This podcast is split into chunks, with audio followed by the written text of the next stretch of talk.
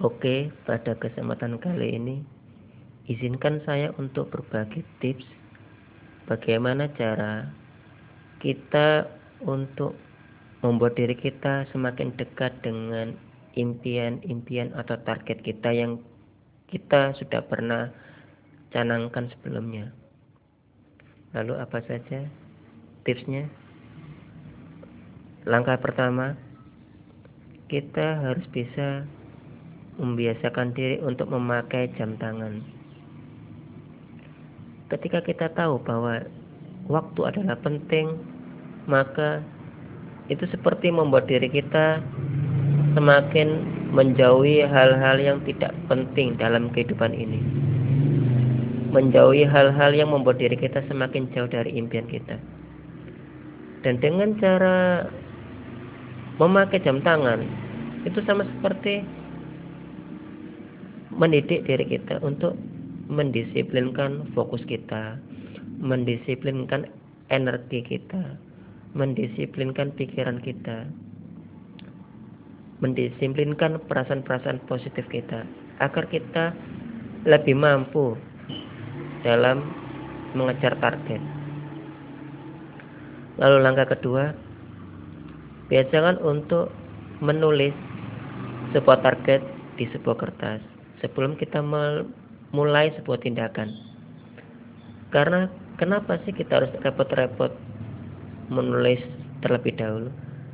Karena dengan membuat sebuah strategi atau taktik itu seperti kita membuat diri kita lebih berhati-hati dalam melangkah dan lebih mantap lagi dalam membuat sebuah keputusan.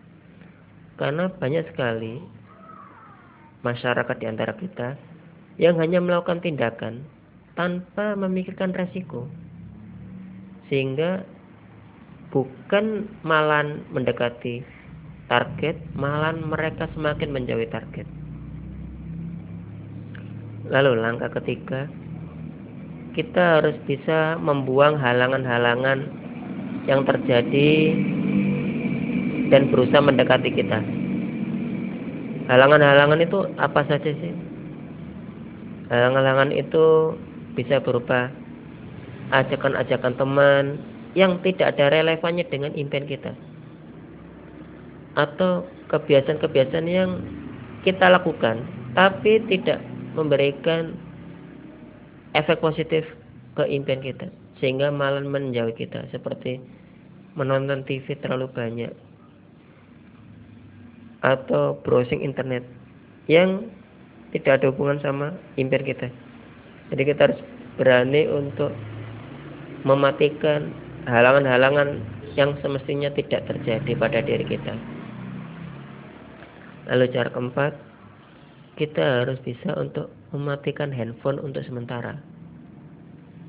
Dengan mematikan handphone untuk sementara itu sama seperti kita berusaha untuk membuang perasaan merasa negatif yang tadinya kita lakukan dengan orang-orang yang pernah kita hubungi.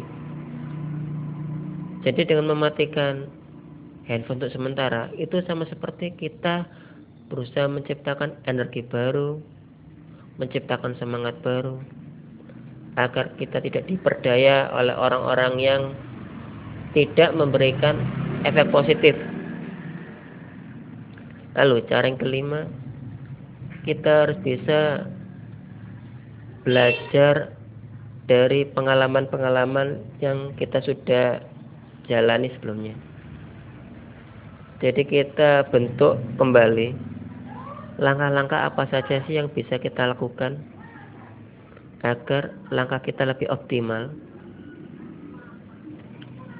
Jadi kita harus bisa mengetahui bahwa tidak semua pemikiran-pemikiran orang lain itu bisa bermanfaat. Jadi kita harus tahu nasihat-nasihat apa sih yang kita bisa masukkan ke dalam pikiran kita. Karena pada dasarnya nasihat itu sifatnya umum. Bisa berupa perusak atau bisa berupa kebaikan. Jadi kita harus lebih berhati-hati lagi dalam memilih sebuah nasihat. Langkah keenam, kita harus bisa membuat jadwal yang nantinya kita masukkan ke dalam jam-jam produktif kita. Kenapa seperti itu?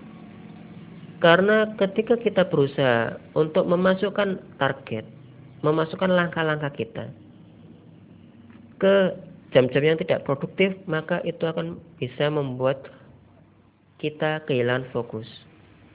Karena kita harus tahu mana jam istirahat, mana jam produktif.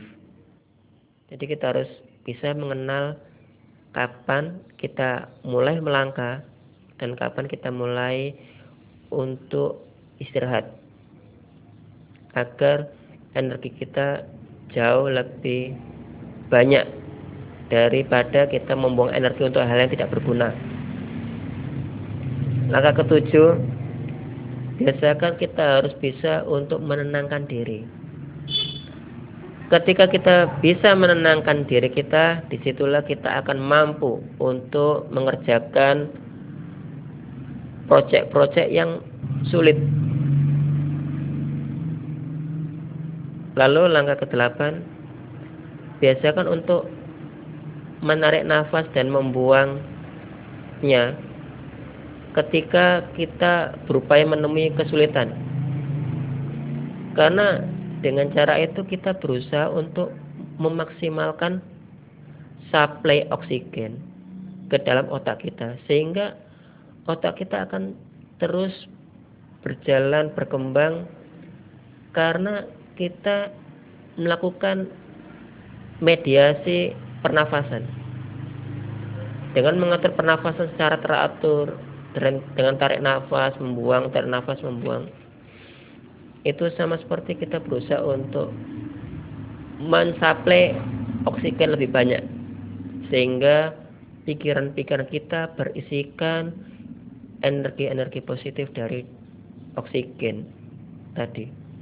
Lalu cara kesembilan yaitu kita harus bisa melakukan konsep-konsep tadi antara nomor 1 sampai nomor 8 dengan cara continue konsisten.